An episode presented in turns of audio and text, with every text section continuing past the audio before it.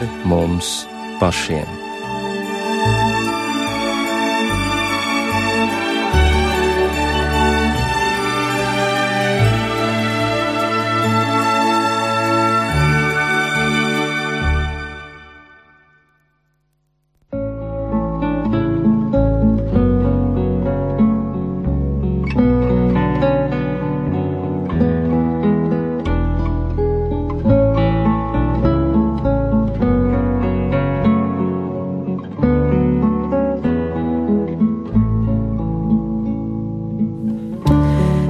Sveicināti raidījumā pāri mums pašiem, lai slavēts Jēzus Kristus, studijā Inte Zēgnere, par skanējumu rūpējas Kristaps Eidam. Un pirmkārt sveicam šovakar mūsu austrumu baznīcas kristiešus, kas svin Ziemassvētkus, Kristus piedzimšanas svētkus visā pasaulē.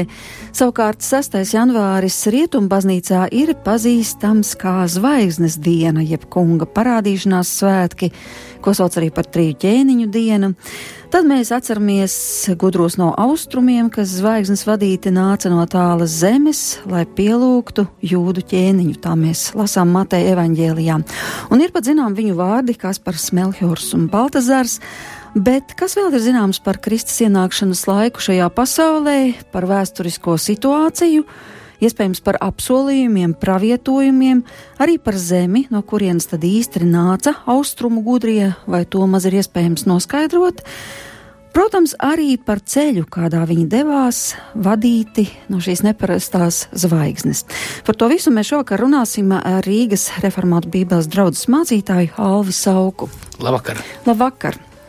Varbūt sāksim vispirms ar pravietojumiem. Pieņemsim, kā austrumu gudrie tur tajā tālajā zemē, cerams, ka mēs noskaidrosim tieši kurā bija vai varbūt nebija pazīstami ar pravietojumiem. Bet tajā pašā laikā mēs redzam, ka Bībelē šādu pravietojumu ir ļoti daudz, kas jau gadsimtus pirms Kristus dzimšanas kaut ko liecināja gan par zvaigzni, gan par gaismu, protams, arī par mēsīs tuvošanos. Ir šādi fakti atrodami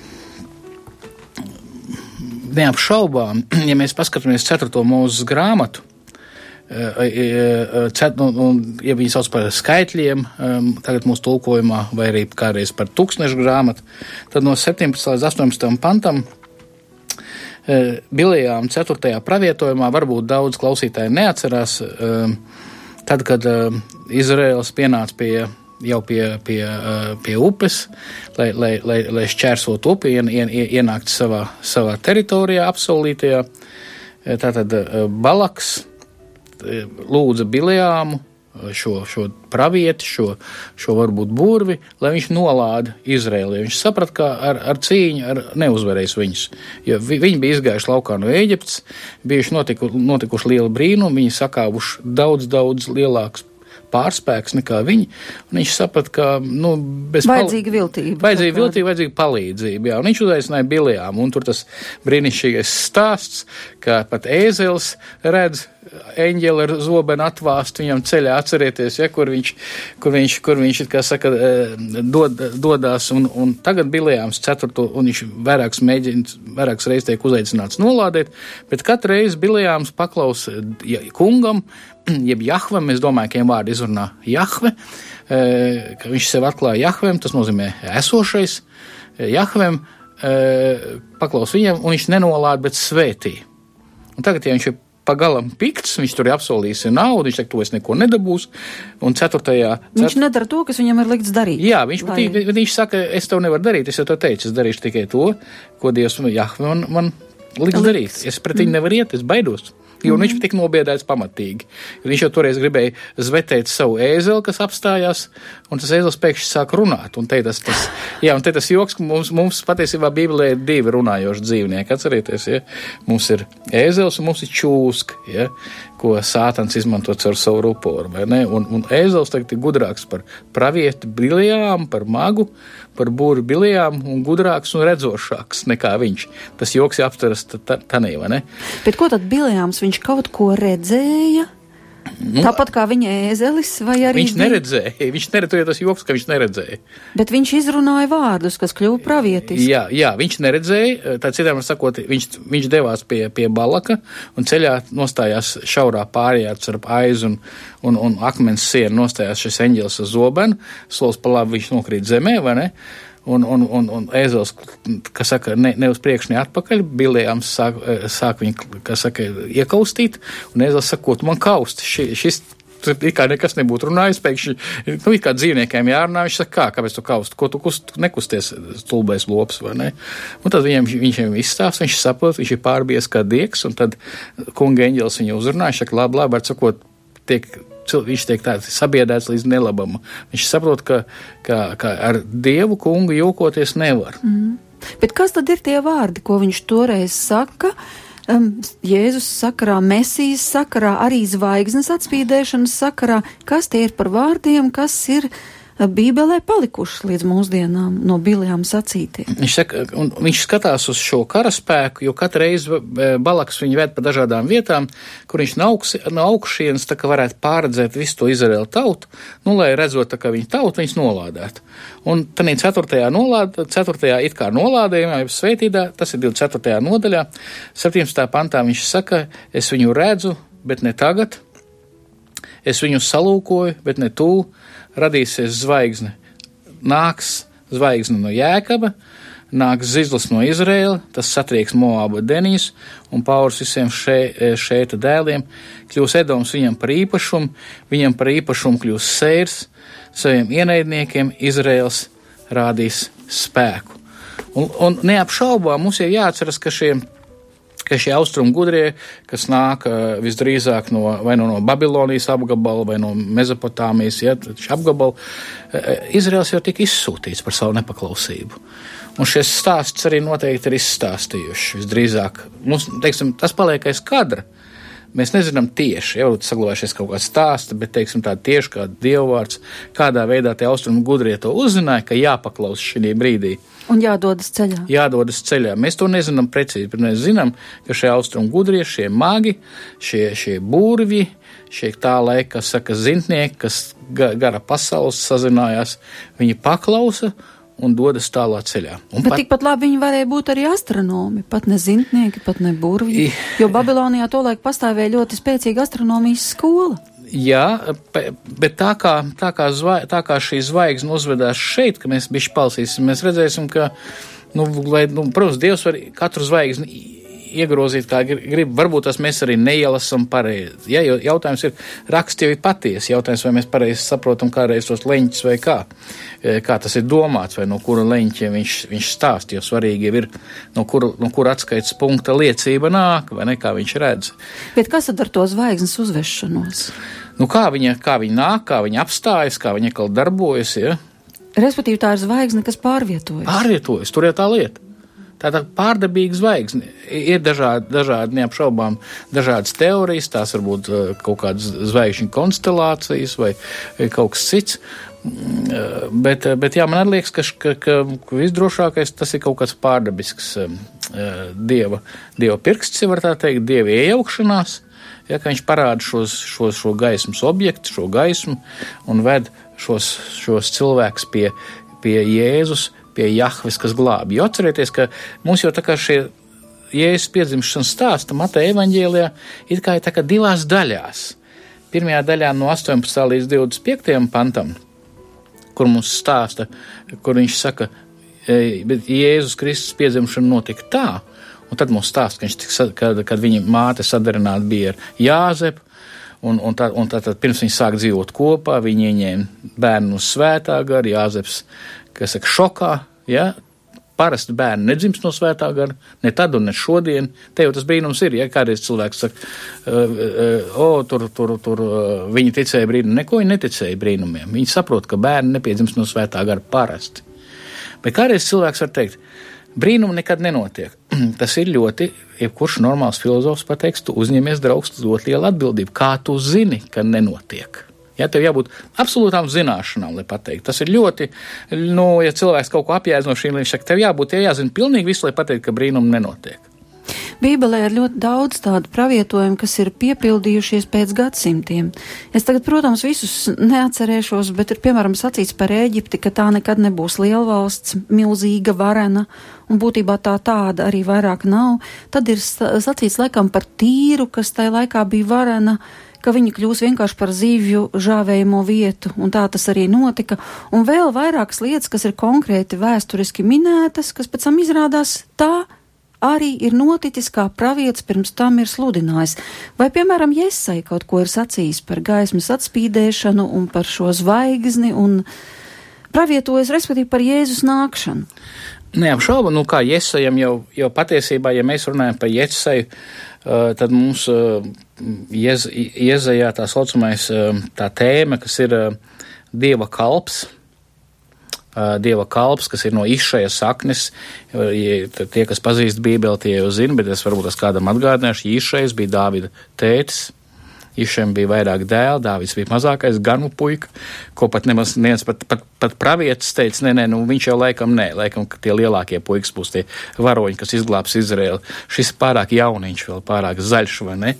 Un, un, un, un ka būs šis, ka nāks no viņa, no viņa cēlma nāks zars, necer, necer zars, ja, nāks zars. Un, un, un vēlāk mēs, mē, mums šie pravietojumi par viņu turpinās, iezaisa grāmatas, kā saka, garumā, ka viņš būs visvarens, ka, ka, ka, ka viņš būs Immanuēls, Mums ir, mums ir Manuēls, ka viņš būs Dievs ar mums, un tālāk jau. Tālāk. Dievs ar mums tas varētu arī nozīmēt to, ka viņš būs kopā ar cilvēkiem. Vai tas to varētu nozīmēt? Ja mēs paskatāmies uz, uz Jēzus vārdu, tad viņam pirmkārt dot to sauc Jēzus, sauc, lai nosauc, eņģēlis saka, Jāzepam nosauc savu dēlu par Jēzu, jo viņš izglābs savu tautu no grēkiem. Ko tad nozīmē Jēzus? Jēzus ir no ebreju vārda Jahve glābja. Ješo, Jehošu, Jahve glābi. Citam sakot, tā ideja, ka Jēzus nav tikai cilvēks, bet viņa personā mēs sastopamies ar ko? Ar pašu Dievu. Viņš ir pats Dievs. Bet Emanuels tas nozīmē, ka Dievs viņš mums. mūsu vidū. Jā, jā citiem Būs sakot, ar mums. Citam, no... Jēzus būdams mūsu vidū, ir, ir Dievs ar mums. Mm. Bet ko tad Jēzus saka par gaismu? Nu, Iezai runā, ka viņš, viņš tāpat kā Jāņebeņē, ka viņš ir gaisma mūsu vidū, bet, bet tam Iezajam tā galvenā šī ideja nāk no tā, ka, ka viņš kā kalps, kas nesīs gaismu, ka viņš izglābs, ko viņš izdarīs? Viņš izglābs no tumsas. Viņš, viņš izglābs no tumsas valgiem, viņš izglābs no cietuma, no, šī, no šiem no valgiem, no, kas, kur, ir ideja ne obligāti šī fiziskā cietuma neapšauma, bet runa, kad, kad cilvēks ir, ir, ir uh, grēka, sātana, tumsas valgos. Un viņš izglābs, viņš, viņš, atnesīs, viņš atnesīs gaisu, viņš iznesīs viņus gaismā, viņš šos viņš cilvēkus izglābs, un viņš būs par derību, par derības starpnieku, kas nozīmē, ka ar viņa asinīm ir tiks noslēgta derība caur viņa asinīm. Bet Iesē nemin konkrētu vārdu Jēzus. Viņš Nē, nav vārds Jēzus, ne, ir, ir, ir, ir, ir, ir, ir, viņš būs no Dāvida cilts. Mm. Jā, viņš būs, viņš būs Dāvida dēls, viņš būs Dāvida nama ķēniņš.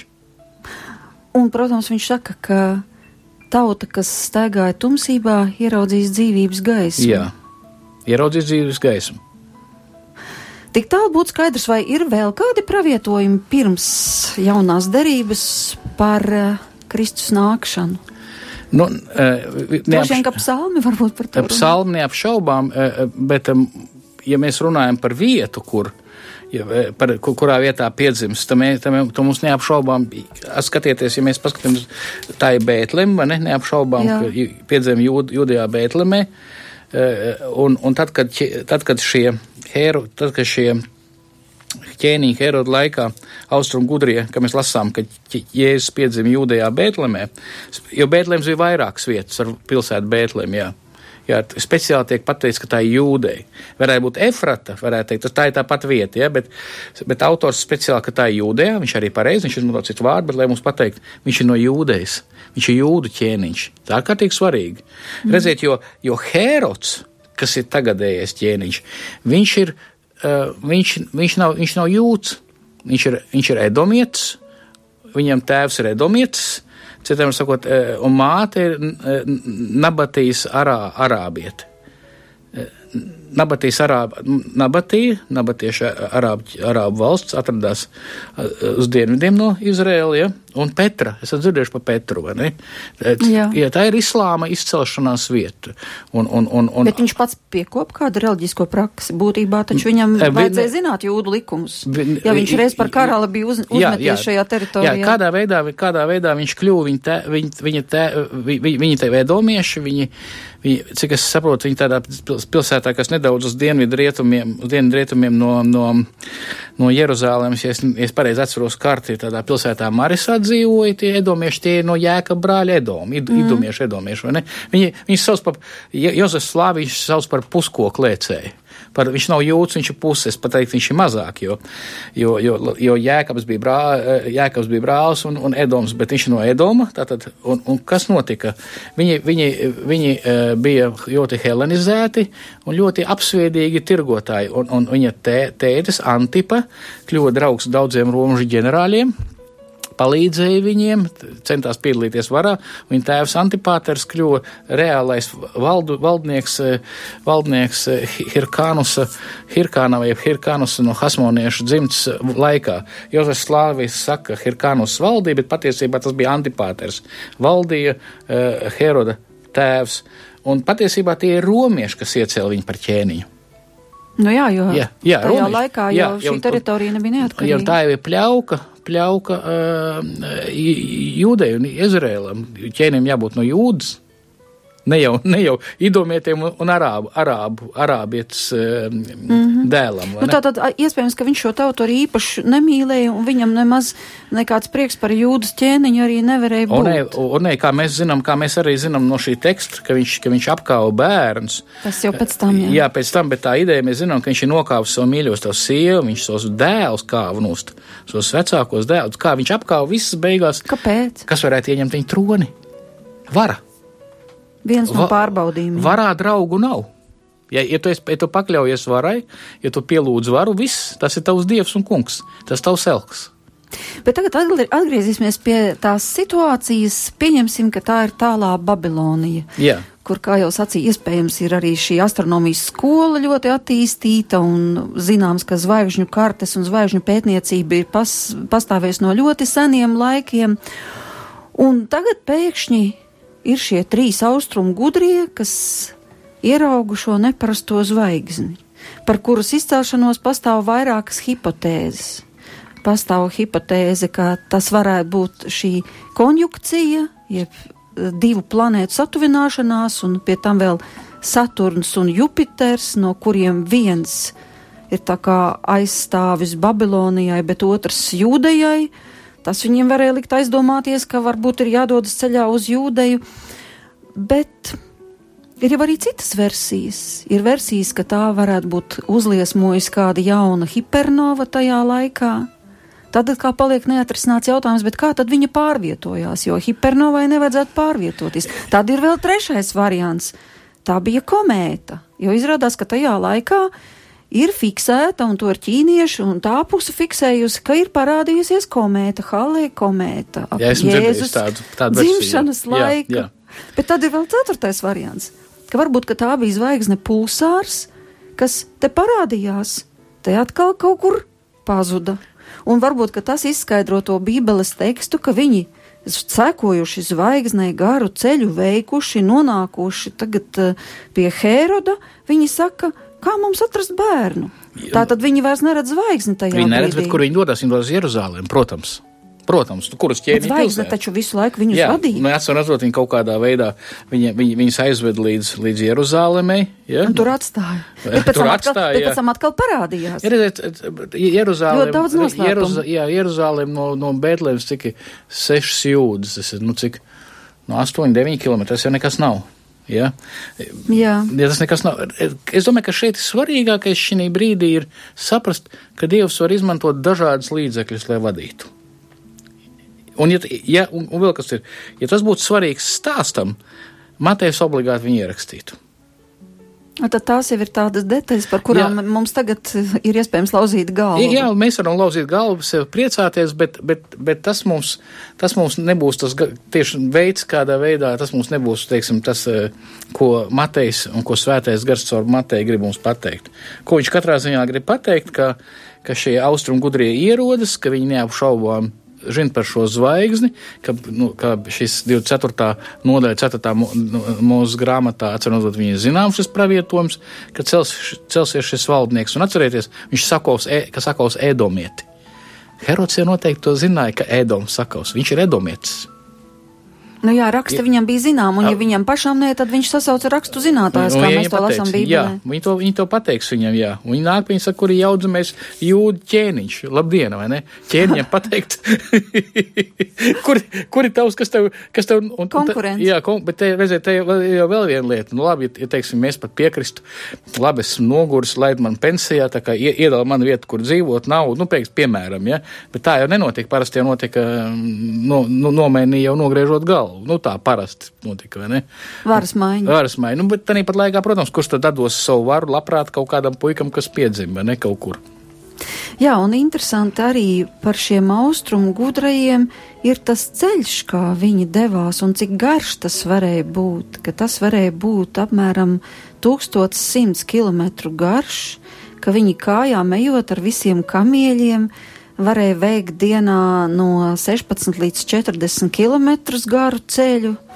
Un uh, arī tas maršruts, kā viņi gāja cauri Sīrijas tuksnesim, tad pa Damaskas ceļu, aizmirs jau kur tālāk, jā, līdz kamēr nonāca Jeruzalem. Tā tad vai tiešām ir iespējams izsekot, ka tas varēja būt viņa maršruts? Nu, es esmu da, lasījis dažādas versijas, godīgi sakot, un tagad es, es, viņas, es viņas neesmu eh, atkal bū, nerunāšu patiesību, ja es viņas atceros pilnībā, bet to, ko es zinu, teiksim, arī no vēstures, no tā laika, tajā laikā uh, ceļošana vispirms nebija droša. Tātad šie cilvēki noteikti gāja ar apsargiem un gāja ar kalpiem. Tas nebija tā, ka trīs puikas vienkārši izdomāja, mēs dosimies ceļā, iekāp džipā un aizbrauc. Tur, tur brauc līdzi šāvēji, tur brauc līdzi, kā saka, aizstāvi, tur, tur brauc līdzi ieročnesēji, pavāri un tam līdzīgi. Tas tur brauc nopietna kompānija ja, jo viņiem vajag aizstāvēties. Neapšaubām dažādas citas lietas, saka, kā ar ķēniņiem sarunāties caur savu teritoriju, var iet nodokļus samaksāt. Tas bija, tas bija nu, liels pasākums, ka viņi atnāca. To mēs skaidri zinām. Bet, kas ir svarīgi, kad, kad, eh, kad, kad, kad, kad, kad viņi nāk pielūgt, bet ķēniņš Herods uztraucas, viņš negrib. Viņš, viņš ir trešajā pantā, viņš saka, viņš uztraucās. Ja? Un visa Jeruzalem līdz ar viņu.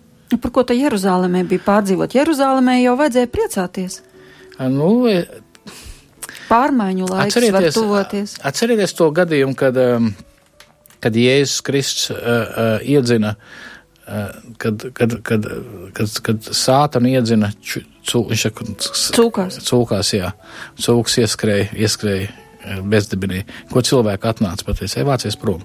Labāk, Tāpēc, ka viņi uztraucās par savām cūkām. Cūkām. Labāk, lai paliek kā ir. Mūsu, mūsu dzīvē viss ir iekārtots. Tu, Jēzus, mums neesi vajadzīgs. Tava kārtība mums nav vajadzīga. Jau, jau redziet, ir viena lieta, kas varbūt tās mums kā fons nāk līdzi, ko mēs nekad nedrīkstam aizmirst. Eh, tad, kad, tad, kad, eh, eh, tad, kad Mateja evaņģēlē tiek paziņots, ka mums nāk glābējs, Jahve, kas glābi, kas samaksās par mūsu grēkiem, tas tiek parādīts Un arī visos evaņģēlos viņš ir glābējs. Nevis skolotājs vispirms, vai labais piemērs. Paklausieties, es, es zinu, ka, ka, kas ir labi, kas ir slikti, it kā pa lielam, ja, bet, bet tas man nepalīdz. Ne? Man vajag, kas man izglābi. Ja? Pirmkārt, kas man samaksā, diev, kas man atliek, atved atpakaļ pie Dieva. Jo kas tad notika, kas tad notika pirmajā mūsu grāmatā, trešajā nodaļā? Cilvēki čūskas, jeb sātani iespējā, domā, hmm, mēs paši gribam būt dievi. Nu, citiem vārdiem sakot, mēs paši gudri. Mēs paši gudri, mēs paši noteiksim, kas ir labs un slikts. Mums nevajag, ka kāds cits mums mācītu, kā dzīvot. Mēs vēl, mēs vēl Dievs tevi izvērtēsim.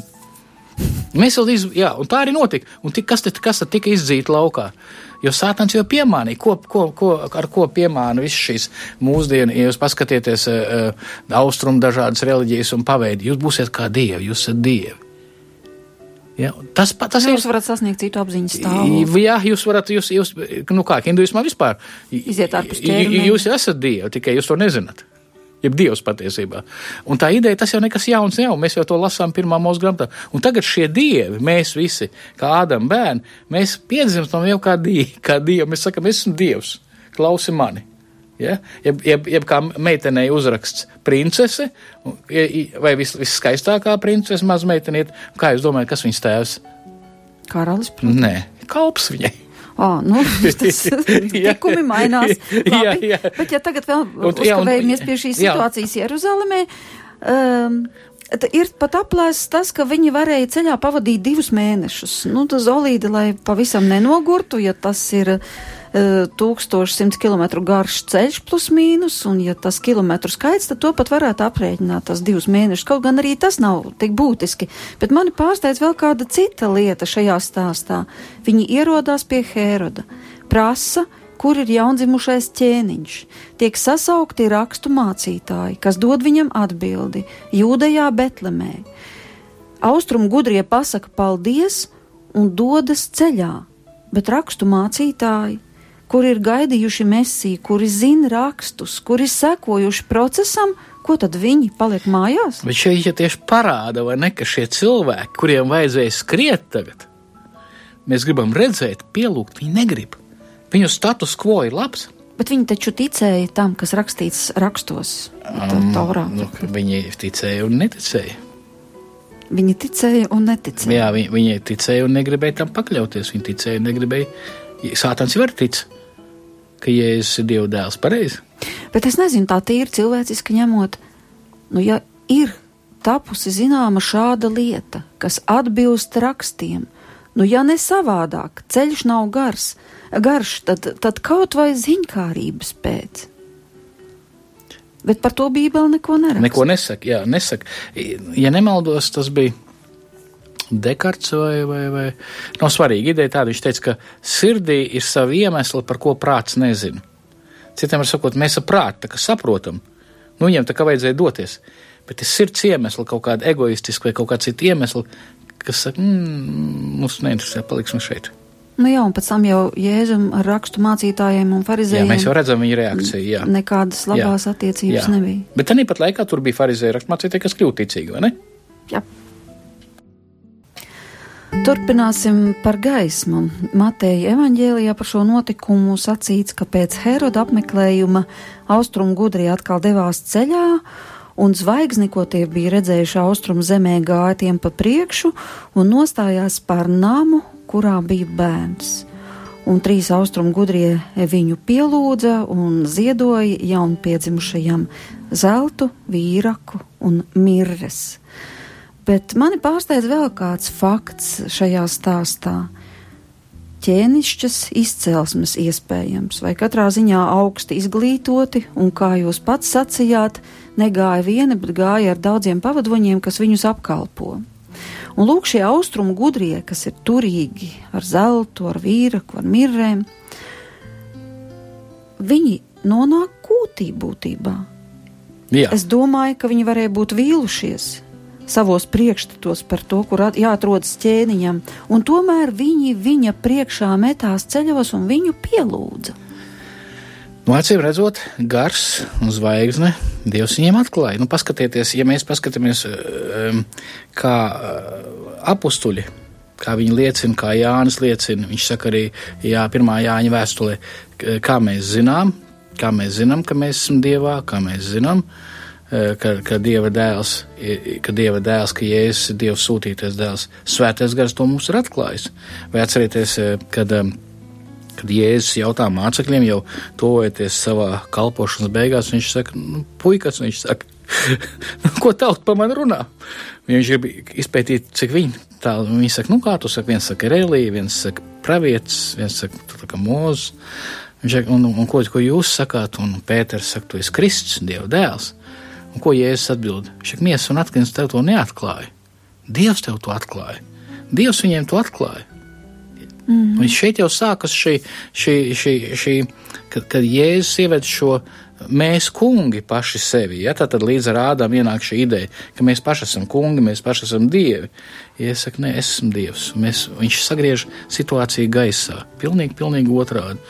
Un viņus vairs neuztrauc, ka tā ir kūts, ka tur ir dzīvnieki, jā. ka tur ir salmi, jā. ka tur nav tīrība perfekta, ka Absolut. tur viss nelaistās zelta. Nu, varbūt labs piemērs ir um, pazemība nebija tikums. Tajā laikā. Jā, līdz pirmam gadsimtam, līdz pat, jā, līdz, līdz pat pirmam, pirmā gadsimta beigām, pazemība neapšaubām nebija tikums. Bet tad līdz ar, līdz ar, ar Bībeli, līdz ar baznīcu, viņš kļuva par likumu. Bet kur tad ir šie vārdi rakstīti?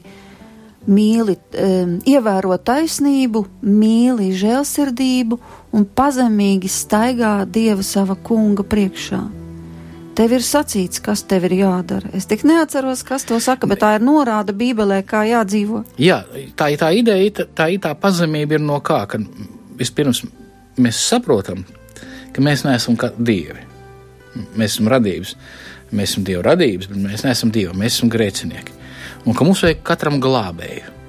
Lai kāda arī status mēs neieņemtu sabiedrībā, finanses status vai, vai kādas auditorijas mūs neaplaudētu, mēs līdz ar rādam esam grēcinieki, kas aktīvi sacēlušies pret Dievu, kas paši grib būt dievi, kungi paši sev, savu mazie Napoleonu.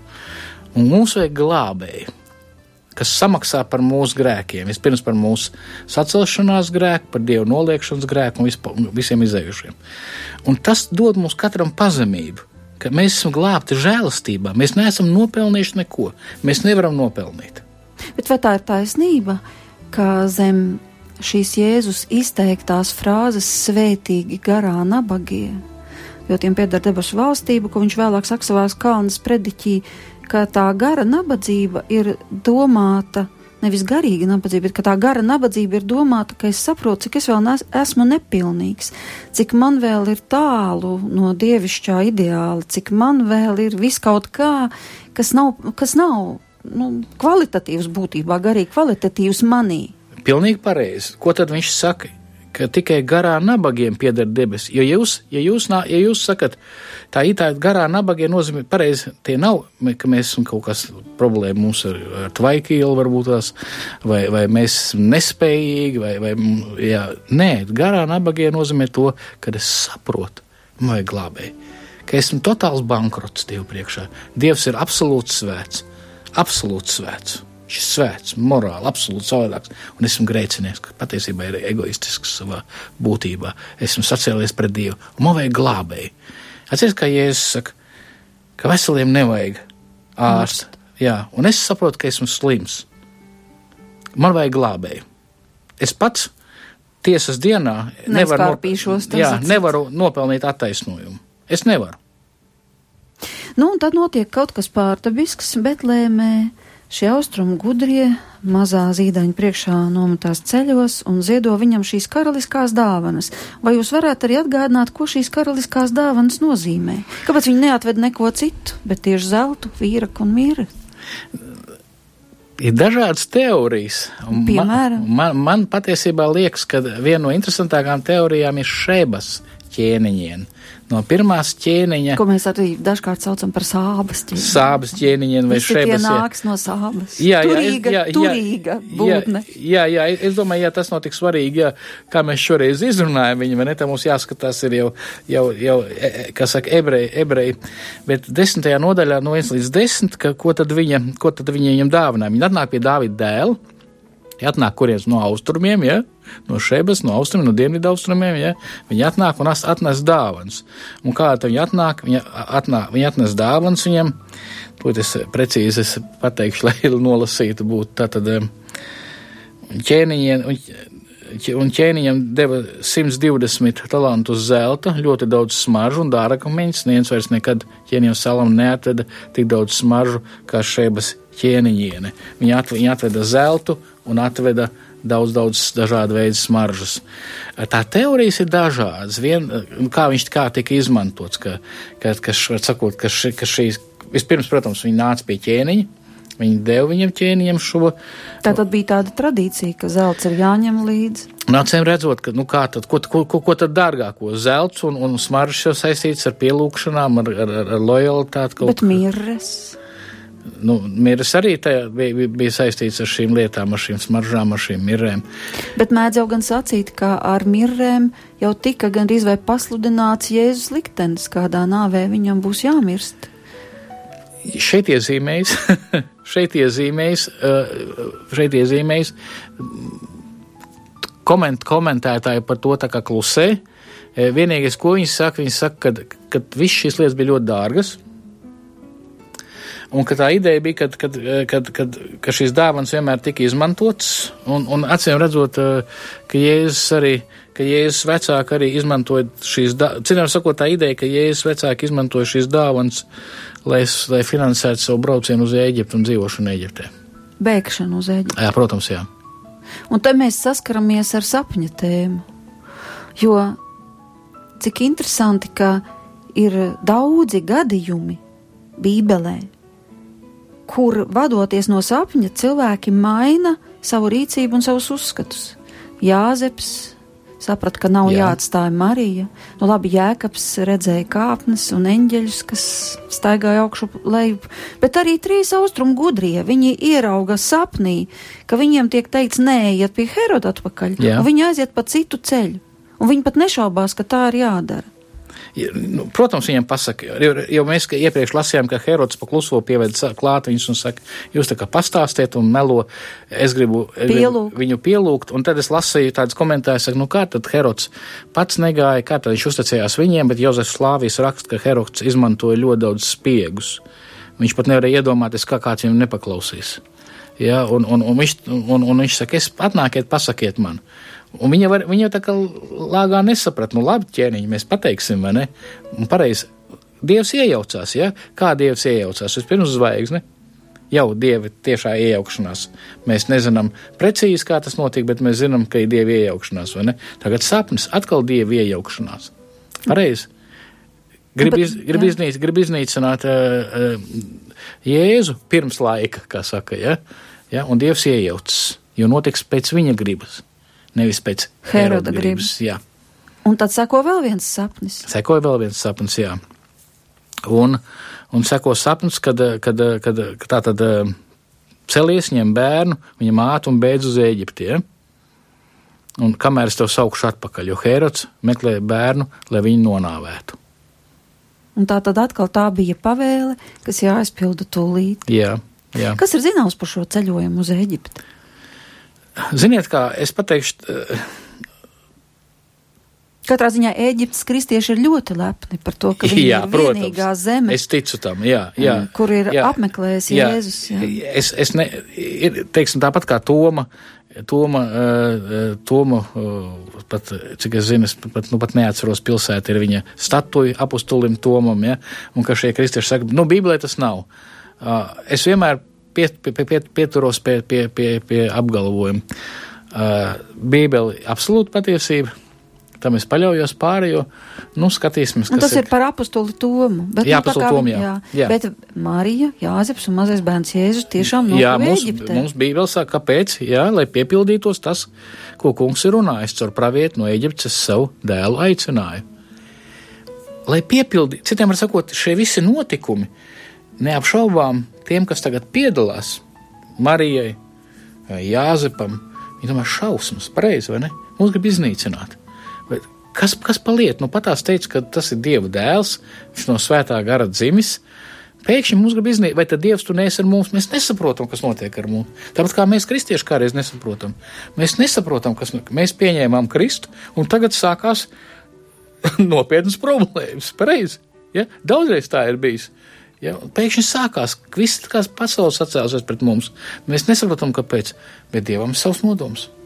Un arī šeit teikts, lai piepildītos, ko Hozei pravietoja savu dēlu saukt no Eģiptes. Citām sakot, Jēzus pārstāv Izraēlu, ideālu Izraēlu.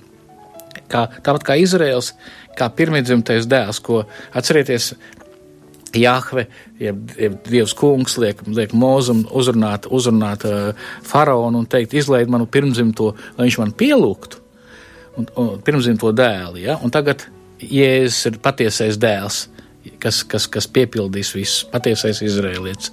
Un viņš savā veidā pēc dieva plāna atkal nāk laukā no Eģiptes. Bet kas ir zināms par uzturēšanos Eģiptē? Piemēram, cik ilgu laiku viņi tur nodzīvoja, kur nodzīvoja, vai ir saglabājusies kādā vēsturiskā atmiņā tā vieta? Jo, piemēram, Izrēlā ir ļoti daudz ar Kristu saistīto konkrēto vietu, bet kā ir Eģiptē?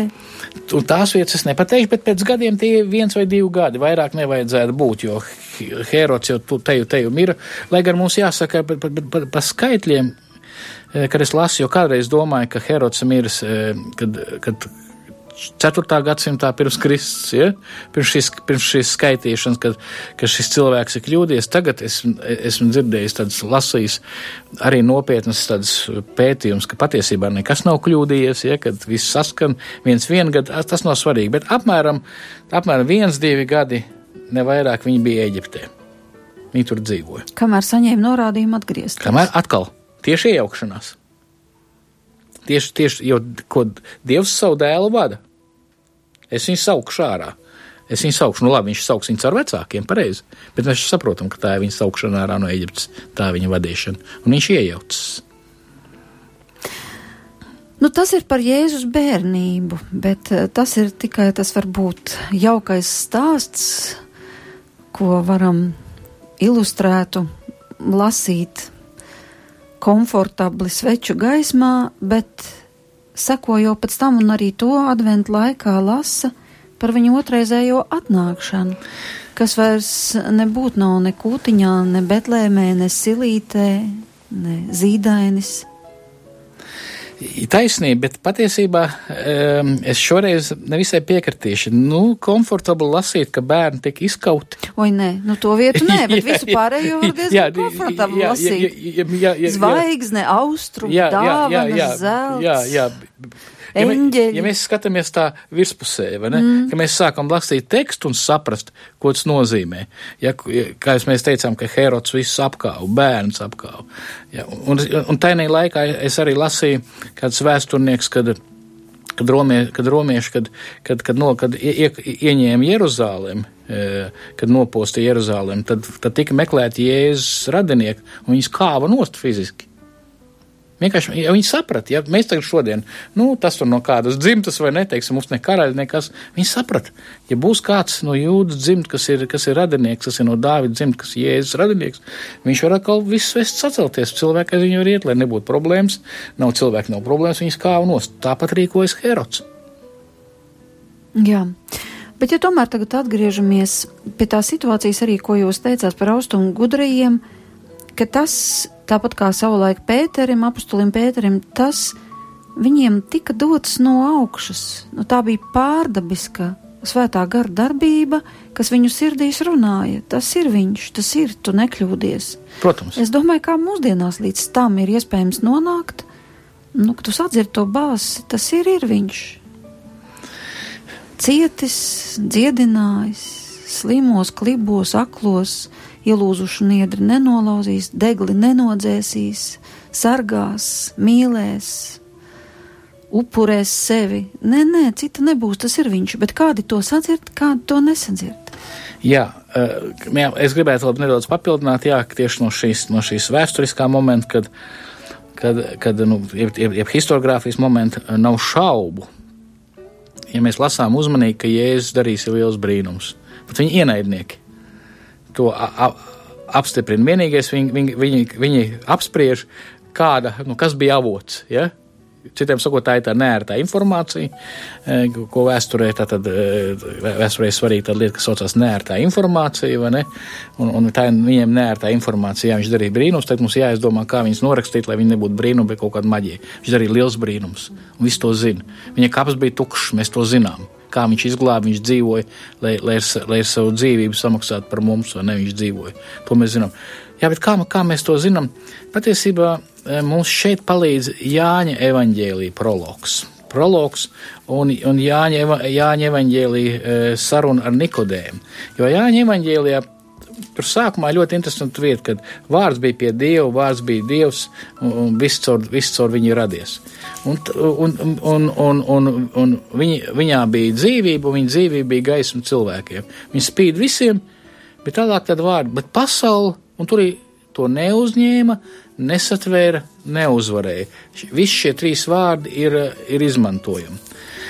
Un, un, un citām var sakot, ideja tāda, ka tie, kas viņu neuzņēma, tieši Jāņa evaņģēlijā šī pret Jēzus Kristus sacēlusies pasauli pret Dievu, un tie, kas viņu uzņēma, bet, tomēr daži uzņēma. Un, un Jāņa evaņģēlijā prologā rakstīts, e, e, tiem, kuri, tiem, kuri viņu uzņēma, kas ticēja viņa vārdā, tātad Kristus vārdā, viņš ir ļāva kļūt par Dieva bērniem, kas nav no asinīm, nez no miesas iegribas, nec pēc cilvēka iegribas, bet ir dzimuši no Dieva.